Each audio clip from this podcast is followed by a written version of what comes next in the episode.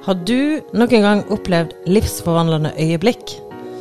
Jeg heter Marianne, og jeg har intervjua flere personer som har erfart at livet fikk en helt ny retning etter at de fikk et møte med Gud.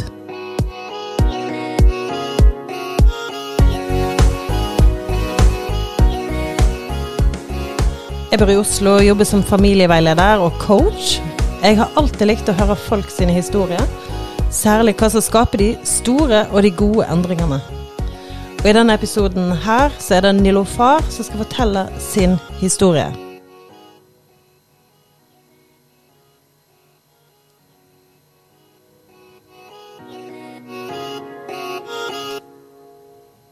Hallo, hallo. Hei. Hei, Nilofar. Hei, veldig hyggelig å være her. Ja, Så bra at du kunne bli med som gjest. Så kjekt å bli spurt. Takk. Men Nilofar, jeg, ble jo, jeg spurte jo deg inn fordi jeg har faktisk hatt race her, din bror. Ja. Så da anbefaler jeg by the way alle å høre Reza sin historie. Vanvittig bra historie. Og da fikk jeg jo veldig lyst, for han delte jo litt om lillesøsteren sin. Ja, jeg er vant med å være lillesøsteren Ja. Reza. Ja, ja. ja, er det en ting at du har blitt liksom lillesøsteren Reza? Ja, det har vært mange ganger at jeg har vært på arrangementer eller ting, og så er det sånn Oi, du ligner veldig på Reza. Er, er du kanskje lillesøsteren? Ja, ikke sant? Eh, Så det er veldig typisk. Ja, for Reza er vel litt sånn kjent eh, av mange, jeg skjønner. Jo, han, eh, han er nok mer kjent, holdt jeg på å si, i, herme, i hermetegn, enn enn det jeg er. I hvert fall i kristne I kristne miljøer, ja. Ja. Mm. Han er jo leder for en menighet, han. fellesskap. sant? Ja. Men bare, nå skal vi jo ikke vi sitte her og snakke om racet i dag, men eh, Mye godt å si om han òg, da. Men ja, eh, Vi kommer jo sikkert inn på han, forresten, i- ja, i ditt vendepunkt. Men, eh, det er sant. men vi vil jo vite, Nilofar, hvem er du? Hvis du har litt sånn fakta om deg sjøl, eller fun fact for den del. Eh, Ja. Jeg heter jo da Nilofar, er opprinnelig fra Iran, men er født og oppvokst i Norge.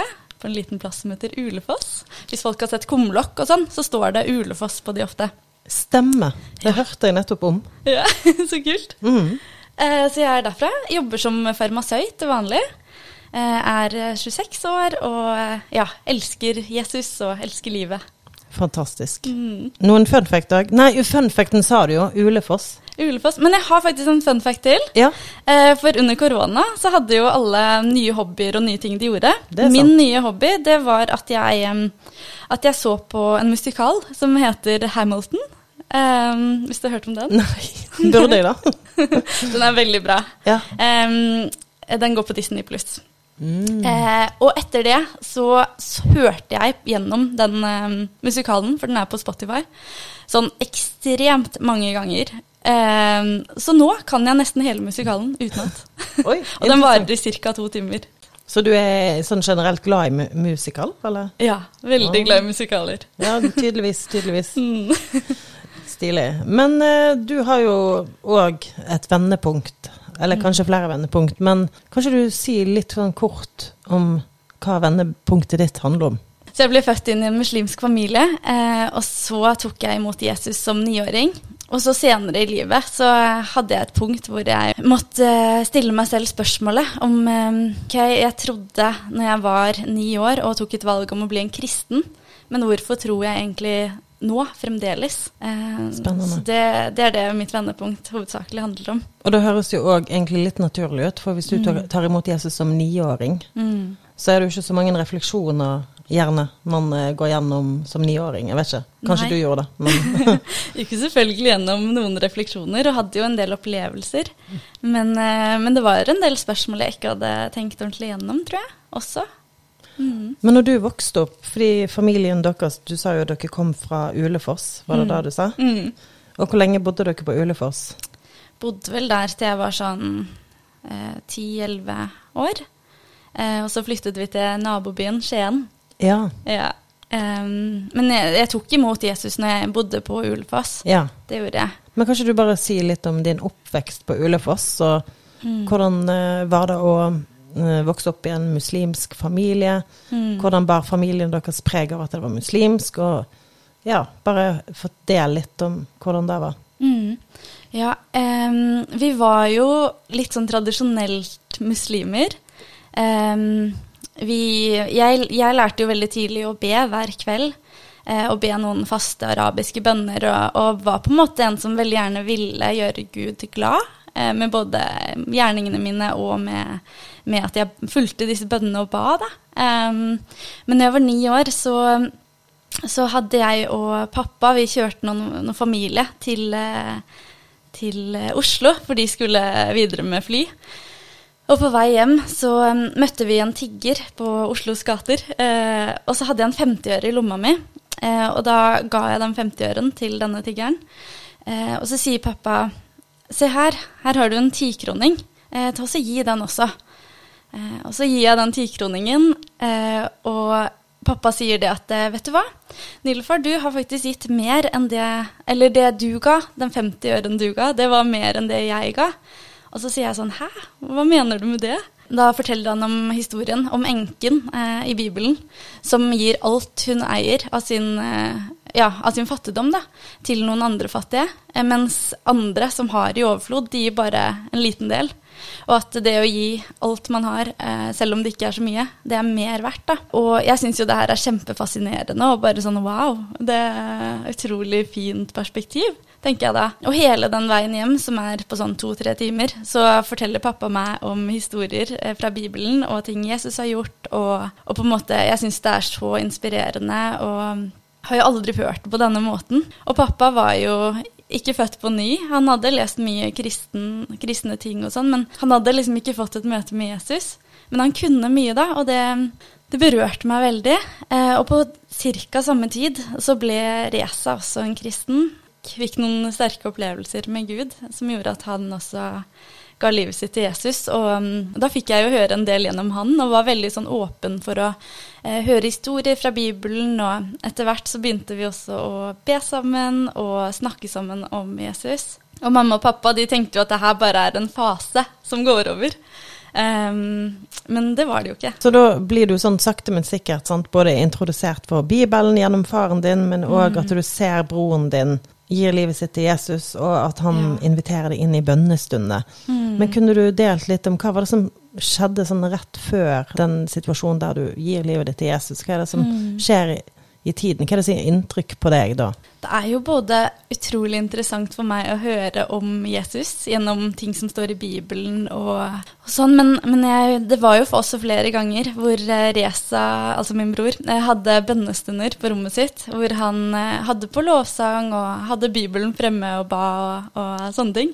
Eh, og så kom jeg inn av og til, litt sånn bare sånn tilfeldig. Og så får jeg jo se eh, dette her, da. Og får kjenne på et sånt utrolig sterkt nærvær som jeg ikke helt skjønner eh, på den tiden hva er. Men det er bare sånn utrolig godt. Bare liksom noe jeg ikke kan sammenligne med noe annet. Og nå skjønner jeg jo at det var Den hellige ånd eh, og Guds nærvær som var i det rommet. Men det skjønte jeg jo ikke på den tiden. Hvordan føltes det da? Kan du prøve å beskrive litt hvordan det fikk deg til å føle å gå inn i det rommet? Og mm. kjenne på den atmosfæren? Det var liksom bare en sånn utrolig stor kjærlighet. Sånn kjærlighet at man er fullt helt elska. At Jesus ga livet sitt for, fordi han elsket oss. Og bare sånn, Man kunne sitte og gråte, liksom. Bare fordi man kjente på en så stor kjærlighet. Det var ikke fordi man var trist eller liksom eh, noe sånt, men det var bare en sånn lykke over å ha funnet meningen med livet, da. Eller sånn Det er liksom det beste jeg kan beskrive det med. Ja, det var jo en veldig fin beskrivelse. Eh, men ja, det var, det var, liksom en veldig sånn sterk, sterk, opplevelse som også jeg som barn på en måte skjønte da, og følte at det var noe ekte her. Og det gjorde jo liksom at jeg også ble, en, ble med på disse bønnestundene av og til. og jeg og Reza vi ba jo sammen og, og leste Bibelen sammen og sånn. Eh, og jeg selv også begynte å lese Bibelen alene og og be og høre på Hillsong den tiden, på den tiden. Men foreldrene mine var jo ikke så veldig begeistra for dette. For de var jo litt sånn Vi er født muslimer, og da skal vi også dø muslimer. Det er på en måte dette her vi går i, da. Men jeg bare kjente at åh, jeg har møtt på noe som jeg ikke kan uh, gå fra ja, jeg har på en måte funnet meningen med livet, hvis jeg kan si det. Litt sånn klisjé å si, men, men, jeg har liksom funnet sannheten, og da kan jeg ikke gå vekk fra det. da. Så ja, så det var jo liksom det å be litt sånn i smug og lese Bibelen litt sånn i smug. Med en gang de kom på rommet mitt, så la jeg den vekk og skrudde av musikken og litt sånn. Um, men jeg fikk jo ikke lov til å gå i noe kirke, uh, så jeg gikk jo ikke i noe menighet eller kirke på ja, til jeg begynte på ungdomsskolen, eller litt etter det. Eh, så jeg var jo alenekristen i sånn fire-fem år. Ja. Jeg hadde liksom bare broren min og noen få andre kristne som jeg snakket med av og til. Når var det du tok imot Eller var det noen situasjon eller spesiell anledning Mm. der du tok imot Jesus? Jeg tror nok jeg ba Frelsesvennen flere ganger. Ja, jeg. Eh, men jeg har liksom ikke noe sånn konkret øyeblikk hvor jeg ble en kristen. Nei, jeg skjønner. Det bare Det var en prosess. Ja, det var en prosess. Eh, og jeg husker det at jeg var sånn åh, nå har jeg tatt imot Jesus, jeg har bedt om tilgivelse, og eh, jeg har fått Den hellige ånd, men åh, jeg har ikke fått døpt meg ennå. Så jeg venta veldig lenge på å bli døpt. Det var liksom siste del av pakken. Og det fikk jeg bli når, eh, når mamma tok imot Jesus, og når eh, hun lot seg døpe. Og da var det liksom mer greit at jeg også var en kristen og fikk gå i menighet og litt sånt. Og da, ja, da husker jeg at jeg fikk døpe meg og begynne i menighet. Og, og det, var, det var så fantastisk å kjenne på det at man har et fellesskap å stå sammen med. Og jeg følte liksom at eh, det litt turbulente kristenlivet jeg hadde tidligere når jeg sto alene, med at jeg liksom noen perioder følte at jeg levde veldig nærme Gud og leste mye Bibelen og sånn, mens andre perioder ikke gjorde det. At det ble mye mer stabilt, fordi jeg følte liksom ja, jeg følte både støtte og i forhold til at oi, jeg har jo et ansvar inn mot menigheten, og jeg er en del av noe større, og det er viktig. Det betyr noe hvordan jeg lever livet mitt med Gud. Um, og da følte jeg liksom jeg fikk mer sånn stabilitet i mitt kristenliv, og, og mer uh, ja. For Jeg var litt nysgjerrig, for du begynte å si litt at uh, ok, du tok imot Jesus som niåring, det var en litt gradvis prosess. Mm. Og så um, Men du er kristen litt på egen hånd Ja. på rommet ditt. Mm. At du går mange år uten at du får gå i menighet. ja. Kanskje bare si litt mer om den tiden der? Jeg følte jo at jeg sto litt alene som kristen. Eh, jeg leste jo Bibelen og hørte jo på lovsang og ba og sånn selv, men, men jeg følte ofte at eh, det gikk litt sånn opp og ned. Noen perioder så kunne jeg be og følte at jeg levde veldig nær Gud da, og kjente mye på hans nærvær. Og så gjorde jeg kanskje noe dumt eller sånn eh, løy eller et eller annet som jeg bare åh, det her er galt. Og så tok det veldig lang tid før jeg turte å be Gud om tilgivelse og leve nært han igjen. Eh, og så følte jeg liksom hver gang jeg så noen kristne, eh, så var det sånn Oi, nå gjennomskuer de meg. Eller nå ser de at jeg har gjort noe galt. Eh, jeg følte liksom kristne de kunne jo høre fra Gud, så de kunne jo, Gud kunne jo fortelle hva jeg hadde gjort. At jeg måtte vende om, liksom. Ja. Ehm, men ehm, ja, og så var det så fantastisk når jeg da turte å be Gud om tilgivelse og komme tilbake da, og liksom eh, ja, tørre å komme tilbake til han. Eh, men de første årene var litt tøffe sånn sett. Mm, og så var jo ikke foreldrene mine for det, så jeg måtte jo på en måte skjule troen min litt. og hver gang jeg og Reza snakket om tro, så var det jo litt sånn åh, dere må ikke snakke om det. Altså. Eller sånn til Reza så var det litt sånn du hjernevasker uh, søstera di, og du har liksom et ansvar overfor henne. Og de gjorde jo det bare fordi de ønska oss det beste, men, men det gjorde jo at det var litt vanskeligere å tro, da. Og, men du, i, din, i den tiden, hvordan erfarte du de stundene du hadde med Gud? Hvordan var da livet med Gud etter du hadde tatt imot Jesus de årene? Det var, det var jo det beste som hadde skjedd, på en måte. Eller sånn, jeg hadde aldri opplevd noe lignende. Eh, at hjertet mitt på en måte var så eh, i brann, holdt jeg på å si. Eller følte så mye mening med livet. Eh, som når jeg på en måte hadde skjønt at Eller når jeg på en måte opplevde at Jesus var veien å gå, da. Um, og jeg prøvde jo liksom å snakke med venner på skolen, og uh, noen ganger når vi hadde sånn overnattingsbesøk, så prøvde jeg å få til bønnestunder. fordi de var jo kristne, og de trodde jo på Jesus, liksom. Ja, sånn for de var vokst opp i Norge, og du tenkte Ja. ja. uh, så de var jo på en måte ikke helt der, men uh, de ble jo med og syntes jo det var fint. Det var på en måte en fin ting å kjenne Jesus i det. Eh, Og jeg bytta jo også skole når jeg gikk i sjette klasse. Og da var det bare en sånn enorm støtte å kjenne at man har en tro og en Gud som støtter en i alle situasjoner, og at jeg alltid har en venn når jeg på en måte er helt ny på et sted og, og trengte venner. Eh, og det å kjenne at Gud er først og fremst min, min venn, da, uansett om jeg ikke kjenner så mange her. Ja, Så det var bare en utrolig støtte å kjenne Gud i livet sitt. Men fikk du noe tilbakemelding? Altså Nå hadde du en litt sånn gradvis prosess inn i troen til Gud, da, men fikk du noe tilbakemelding fra venner eller fra familien rundt deg om en, Så de noen endring hos deg etter du begynte å gå med Jesus? Nei, jeg tror ikke de så noe direkte endring. Eh, de så kanskje at jeg og Reza aldri krangla mer. Eh, det har vi ikke gjort siden. Eh, begge ble kristne. Men, men, sånn ellers, jeg var jo så liten, sant, eh, at jeg tror liksom ikke folk merka noe sånn veldig stor forskjell. Men eh, det var jo liksom ganger hvor jeg begynte å snakke mer om Jesus, eller når vi var på sånn skolegudstjeneste med klassen, og alle bare satt der og hørte på, og liksom egentlig ikke ville være der, kanskje. Eh, så satt jo jeg der og ba, lukka øynene mine og var i en sånn skikkelig inderlig bønnestund ja. av og til. Ja. Eh, så jeg tror nok de syntes det var litt rart. Men sånn ellers så tror jeg egentlig bare Ja, jeg tror ikke det syntes så veldig sånn utad, egentlig. Og så kom jo den tiden der du fikk lov å gå i menighet, fordi mm. du sa noe om at mor di. Ble kristen òg, mm. og da har jo Reza fortalt mye om mm. i hans podkast. Men hvordan, ja. kan du si litt sånn kort hvordan erfar, opplevde du den, det skiftet hos mor di? Det var jo Hun kom jo hjem eh, etter den tannlegeopplevelsen, som dere kan høre mer om i Reza ja. sin eh, det veldig, episode. Det er en veldig heftig historie. ja, det er det. Mm. Eh, og da hadde jo hun hatt en helt utrolig opplevelse med Gud, og liksom kjente hans berøring. Kom hjem og var helt sånn Hva skal jeg gjøre med dette, liksom? Um, så hun tok jo imot Jesus, og da begynte hun å gå i menighet og var veldig sånn sulten på å følge Jesus. Og, og man kjente liksom at noe har skjedd i mamma. Og da fikk jeg også lov til å gå i menighet, uh, noe som jeg er veldig, veldig glad for. Og jeg fikk lov til å døpe meg og fikk lov til å være en del av det miljøet da, som gjorde meg veldig, veldig godt. Og jeg følte liksom at menigheten ble en familie som jeg kunne stå sammen med i både tykt og tynt. Det var liksom mange voksne der som på en måte opp, var flinke til å oppmuntre og se en og, og hjelpe en om det var noe. Så man følte veldig at man sto sammen, da. Og ja, eh, og når mamma hadde blitt kristen, så ba vi jo også mye for faren min om at mm. han skulle få kjenne Gud. Og vi hadde jo mange prater sånn i forkant av deres foreldre, eller før de på en måte tok imot Jesus.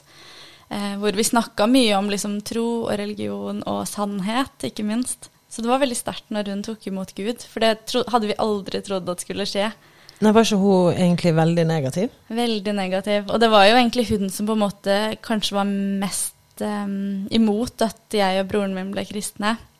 Og på en måte hver gang vi nevnte Jesus, så var hun veldig sånn, ble hun jo veldig sånn oppgitt, og det vekka mye følelser i henne òg. Så det var jo det, Vi hadde aldri trodd at hun skulle bli en kristen, rett og slett. Fordi hun var så imot det når vi eh, var det. Ja. Mm. Men dere ba vel kanskje mye for henne? Ja, vi ba veldig mye.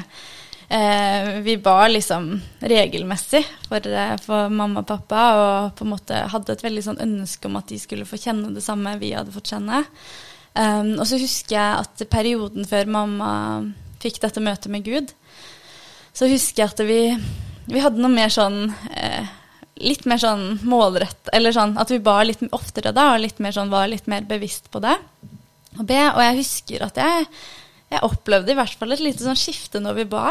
At vi, at vi opplevde mer sånn håp og mer tro i den tiden før hun tok imot Jesus, på at oh, mamma også skal få lov til å oppleve det her, og at Gud kan på en måte eh, vende selv stolte hjerter, eller selv hjerter som på en måte står veldig imot, da, kan Gud også vende til seg selv. Eh, så vi fikk en litt sånn ny tro sånn i tiden før, faktisk. Interessant. Mm. Og hva gjorde det med deg, eller hva følte du når faktisk eh, mor di fikk et så godt og varmt møte med Gud og Jesus? Mm. Ja, det, det, var utro... Jeg var litt sånn i sjokk. Jeg hadde på en måte ikke sett det for meg. Det, eller sånn, selvfølgelig hadde jeg hatt håp om at mamma skulle ta imot Jesus. Men jeg hadde jo på en måte ingen garanti for at hun skulle få oppleve Guds nærvær og, og få et møte med Gud. Eh, selv om jeg hadde veldig stort håp eh, og ba til Gud. Så når det først skjedde, så var det liksom Det forandra så mye i familien vår, og plutselig så var det ba vi sammen, og leste vi Bibelen sammen, og eh, merka en forskjell i henne da. Um, og jeg ble jo utrolig glad, for da fikk jo jeg lov til å gå i menighet. Ja. det hadde jeg jo ikke hatt lov til tidligere. Nei, det, jeg, det, det, tror jeg jeg var ekstremt glad for. At jeg endelig kunne gå i menighet og slippe å skjule troen min litt. Eller sånn. Ja. Uh, ja, at hun ikke ble sur om jeg leste i Bibelen. Ja. På en måte. Um, for det, det, å leve i menighet, det er utrolig stor verdi, og det, det, skjønner jeg virkelig når jeg på en måte har levd så mange år uten menighet, uh, litt sånn på egen hånd. Ja, for du sa jo litt uh, om det, at uh, det å komme inn i menighet gjør at du plutselig har en stor familie rundt deg. Mm, virkelig. Er det flere ting menigheten gjør som du er takknemlig for? Å, du, guri. Eller hva det, det betyr for deg? Det er mye.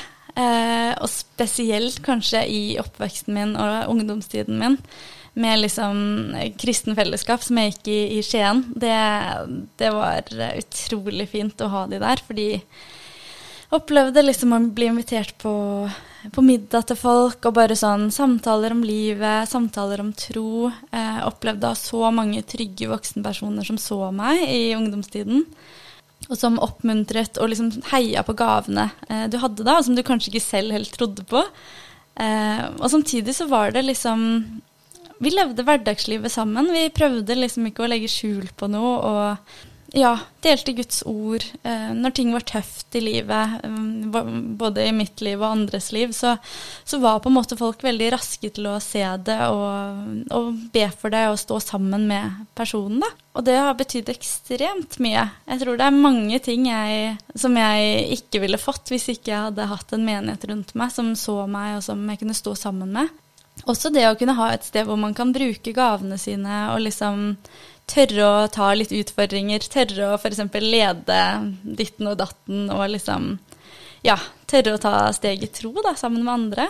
Og det å lære å liksom leve hverdagslivet sammen, ikke måtte pynte på alt, det også lærte jeg virkelig da. Eh, og sånn videre også, liksom, så har menighet betydd utrolig mye. Både det å liksom få inspirasjon til å, til å følge Jesus og ja, stå sammen da, med andre folk som tror på det samme. Veldig fint. Men hvordan fortsatte livet etter, etter hvert mm. og opp til nå? Ja. Har, hva har det vært preget av? Ja. Jeg har jo gått eh, etter videregående, så gikk jeg et år på bibelskole på Bethel i USA. Eh, så det var helt fantastisk, og jeg fikk oppleve Guds kjærlighet og nærvær på en helt ny måte. Og fikk også se litt andre deler av kristen verden. Og så kom jeg hjem igjen til Oslo, eller da kom jeg til Oslo. Begynte å studere farmasi og Eh, kom inn i, inn i kristen fellesskap her òg. Eh, veldig sånn brennende gjeng som ønsket å leve for Jesus og sto sammen i et veldig godt fellesskap. da. Og så var det jo koronaen som kom. Ja. Eh, og mye tid alene, og mye tid eh, man gikk tur, og ja, litt annerledes liv. Ja. Men i koronatiden så um, husker jeg at jeg fikk en del, um, en del litt sånn spørsmål, egentlig. Um, kanskje litt tvil eh, som gjorde at jeg måtte eh, tenke igjennom mye av det jeg har trodd på tidligere, og eh, Guds eksistens, og litt sånn gå inn på litt sånn apologetikk, da. Eh, og prøve å liksom kunne forklare troen min litt bedre. For da hadde jeg kjent at oi, jeg har på en måte basert troen min veldig mye på egne erfaringer, og mye på Bibelen. Og selvfølgelig har jeg også satt meg litt inn i apologetikk, eh, og liksom trosforsvaret og hele den pakka der. Men, men i den perioden så kjente jeg at det ble litt sånn ekstra viktig for meg å finne ut av hvorfor jeg fremdeles tror etter 17 år som kristen. Altså hva er tingene som holder meg igjen til Jesus den dag i dag? Ikke bare når jeg var ni år. Så da gikk jeg jo noen runder på det. Hvordan opplevde du det? Jeg syns det var en litt vanskelig prosess, fordi eh, mine spørsmål var litt sånn hva er, egen, hva er det jeg egentlig tror på nå? Um, og hvorfor kan jeg egentlig tro at Gud finnes? Det var liksom veldig sånn basic spørsmål jeg mm. stilte mm. meg selv, som jeg ikke hadde tenkt på på lenge. I hvert fall ikke så veldig nøye. Um, og jeg trengte liksom å finne gode svar som var gode nok for meg, uh, og som og jeg trengte å gå litt sånn ut av min egen boble med å se ting på. Jeg trengte å se ting fra litt andre perspektiver, uh, og prøve å forstå. Uh, så jeg, jeg hadde jo en veldig sånn ydmyk tilnærmelse til det, tror jeg da. Fordi jeg hadde veldig sånn ønske om å faktisk eh, få sannhet. Men selvfølgelig, det var jo litt vanskelig. Eh, men i prosessen så var det også veldig viktig for meg å holde fast ved troen, og ikke bare liksom Nå tviler jeg på på en måte eh, Guds eksistens, da, for. Så nå bare legger jeg alt vekk. Eh, det var veldig viktig for meg å liksom holde fast ved det. Eh, midt oppi tvilen også, og liksom kunne ha tvil selv om jeg også har tro. Så ja, så jeg gikk på en måte noen runder hvor jeg leste en del bøker og snakket med en del kristne om hvorfor de trodde, og hva som på en måte gjorde at de trodde på Gud fremdeles, etter, hvis de, hvis de hadde vært kristne i mange år, da. Hva var grunnene til at de fremdeles trodde?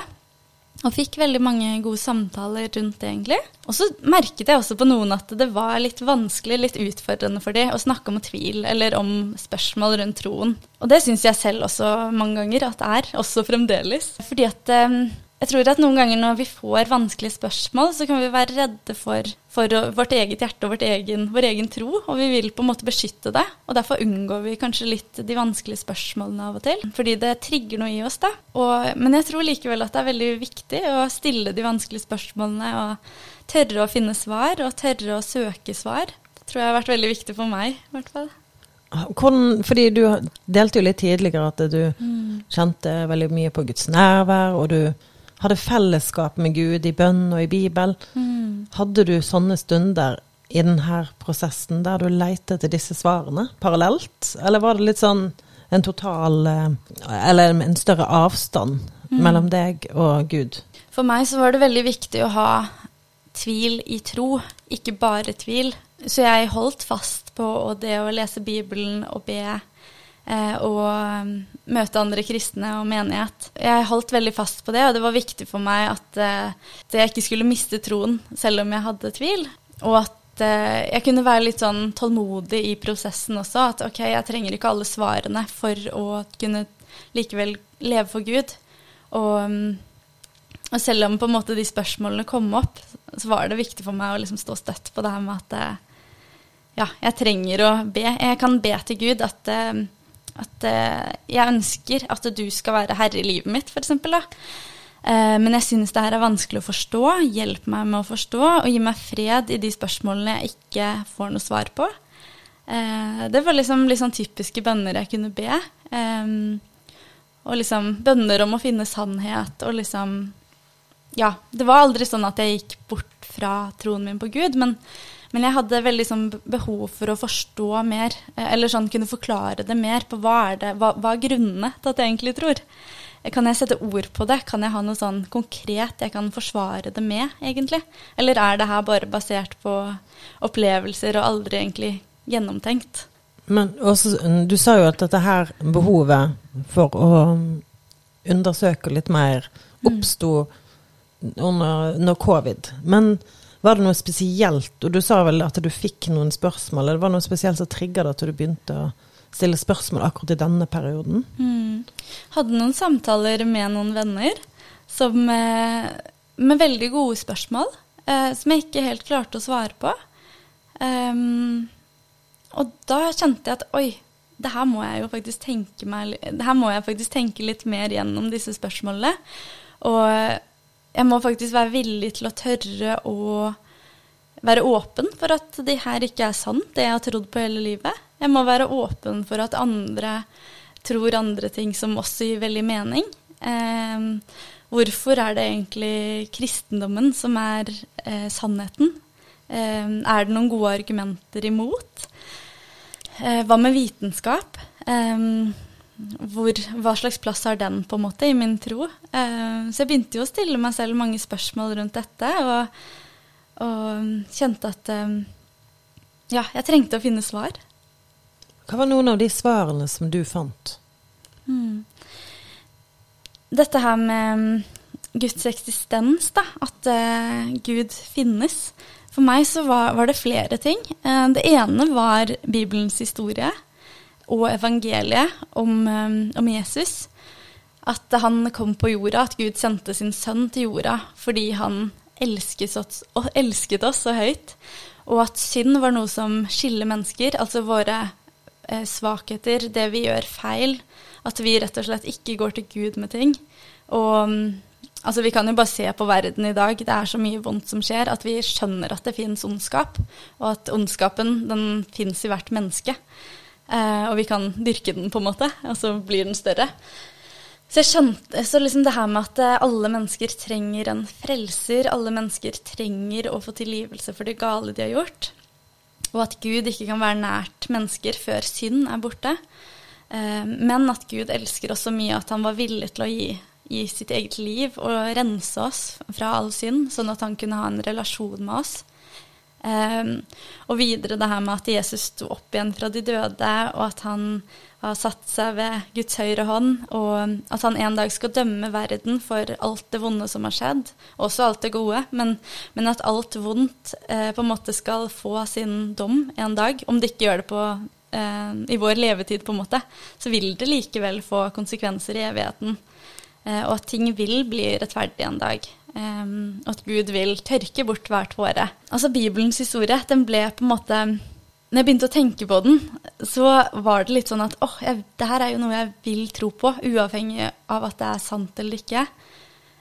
Og så er det jo på en måte mange bevis og mange ting jeg kan tenke at er logisk med Bibelens historie, på at det faktisk stemmer og at jeg faktisk ønsker å tro på den historien. Jeg, jeg tok et valg, da, eller sånn, jeg tok et kanskje litt mer sånn bevisst valg om at jeg ønsker faktisk å tro på Bibelens historie, at det er sant. Og at det er en Det er ingen andre religioner som har denne historien. Og jeg syns denne historien er så fantastisk, da. Det er jo rett og slett et kjærlighetsbrev til oss mennesker. Og jeg ønsker å tro på det. Og så er det liksom andre ting, som f.eks. at universet er så stort. Eh, og at ingen mennesker har liksom sett eh, enden av universet, liksom. Eller at, eh, at cellene i kroppen vår er så komplekse og eh, Altså sånn når jeg studerte farmasi, og liksom bare det å lære om kroppen og hvor kompleks den er Det er bare sånn Er dette her en tilfeldighet? Kan jo ikke være det, eh, tenker jeg, da. Eh, og så bare det her med at det liksom Hvordan Gud har vist seg i mitt personlige liv. At at når jeg har hatt tøft, så har jeg kjent på en kjærlighet og fred i ting. At når jeg har bedt, så har jeg fått spennende svar mange ganger. Hvordan skal jeg liksom forklare helbredelser jeg har sett? Når jeg har bedt for syke, og så har de blitt friske. Det er jo ingen forklaring på det. Den mest logiske forklaringen vil jeg si er at Jesus finnes, og at den historien Bibelen forteller, er sann. Og liksom bare det at eh, jeg merker at hver gang jeg bruker tid med Gud, så blir jeg forandra, og jeg blir jeg merker at hjertet mitt blir mykere. Jeg har mer tålmodighet med folk. Både mitt eget liv, men også at samfunn, store samfunn, og når de har tatt bruk eh, Bibelen, at samfunnene har blitt bedre. Det er bare sånne argumenter som gjør at, eh, gjør at jeg i hvert fall blir overbevist. Nå er det bare, nå deler jeg bare noen få av dem, men mm. liksom Det var noen av de tingene jeg måtte tenke gjennom som fikk meg til å bare sånn det her tror jeg på. Og til syvende og sist så var det jo liksom det å ta til valg at dette her ønsker jeg å tro på. Jeg ønsker å tro på Bibelens Gud. Jeg ønsker å tro at dette her er sannhet. Og jeg ønsker å legge livet mitt for han og stole på at dette her er eh, noe jeg kan bygge livet mitt på. Og at det er trygt og et godt sted å, å liksom legge livet sitt. Da. Det, var, det var liksom litt det jeg endte opp på slutt, til slutten av den prosessen. At det handler om tillit, og det handler om tro. Jeg kan aldri være 100% sikker på at det jeg tror på, er riktig. Men i mitt hode så gir det så mye mening, og det er så logisk at dette her kan være sannheten. At derfor velger jeg å tro at dette her er sannhet, og at dette her bærer gjennom hele livet. Hvis du snakker med folk som ikke er kristne, mm. hva er det de syns det er vanskeligst å tro på når det gjelder kristendommen, eller å svelge av sannhet? Ofte så har jeg et inntrykk av at de fleste tror at det fins noe mer.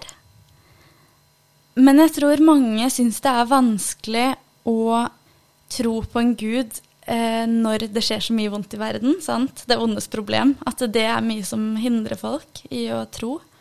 Eller at de selv ikke har hatt noen erfaringer i livet sitt med, med Jesus, eller med tro. da. Um, og så er det jo ikke noe vi kan se med det blotte øyet.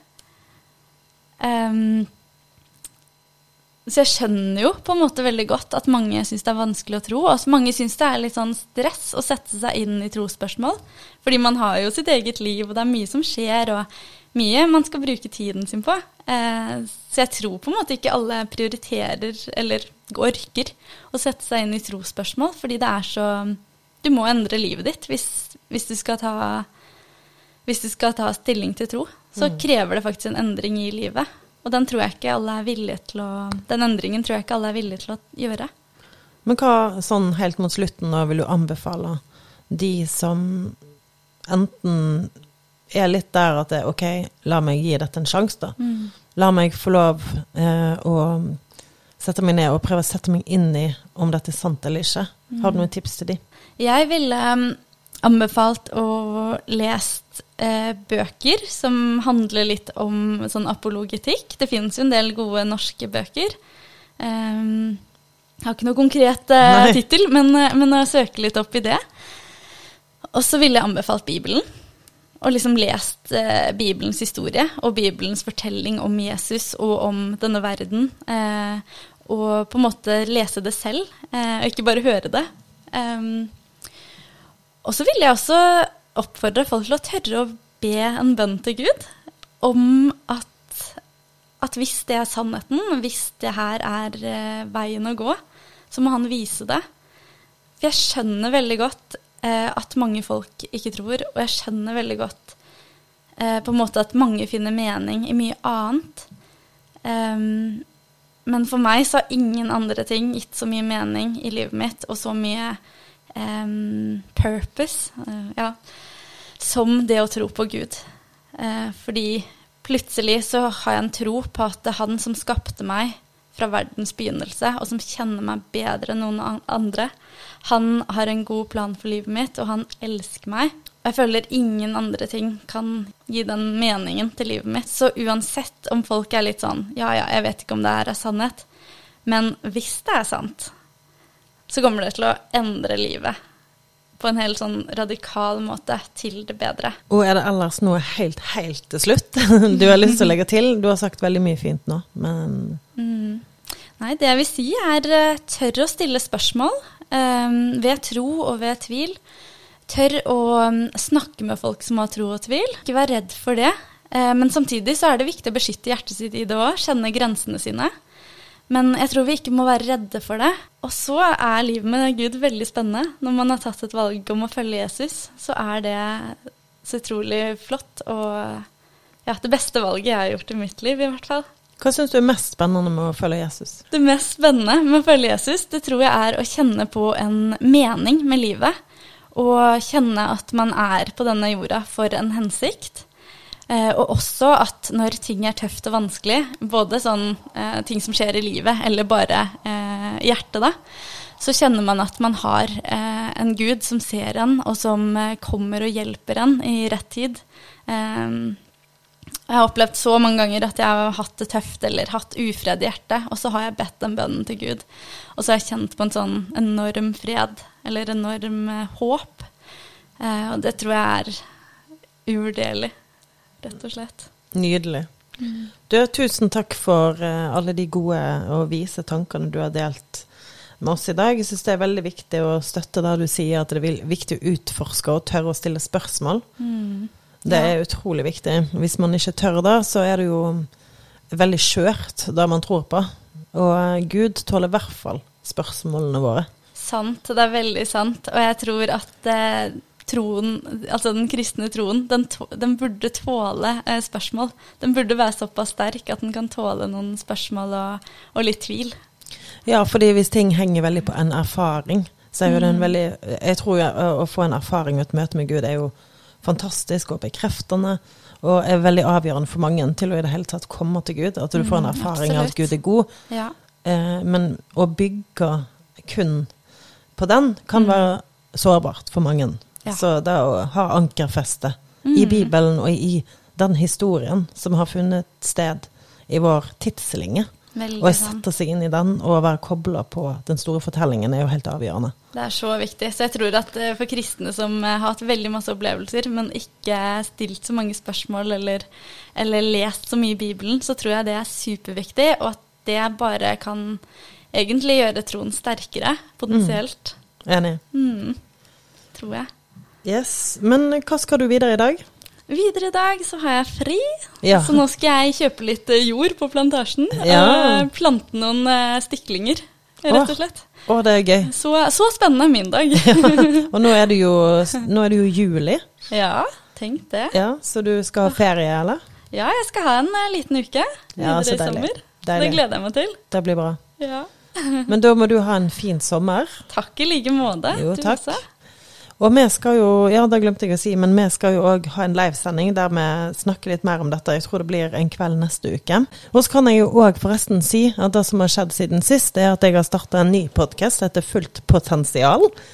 Og eh, jeg har òg starta en coaching- og veiledningsvirksomhet. Så hvis det er noen som har lyst å eh, eh, jobbe litt mer med eget liv i forhold til både drømmer eller visjoner de har, men òg i forhold til relasjoner, så er det bare til å ta kontakt og skrive mail. Så kan jeg eh, hjelpe folk videre med det. Ok. Så spennende. Ja, men du, da må du ha en nydelig dag. Tusen takk, du òg. Takk. Så snakkes vi på livesending neste uke. Ha det! Nå hørte du Nilofar dele sin historie. Hun tok imot Jesus som niåring og fikk erfare en kjærlig Gud. Likevel ble det viktig for henne å våge å stille spørsmål ved troen som voksen. Dette er noe Nilofar opplever har styrka troen hennes.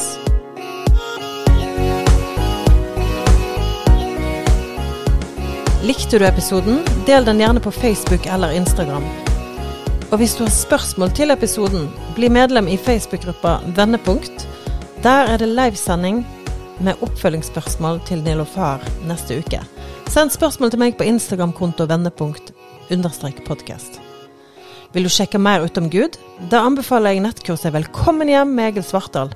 Det finner du på omgud.nett.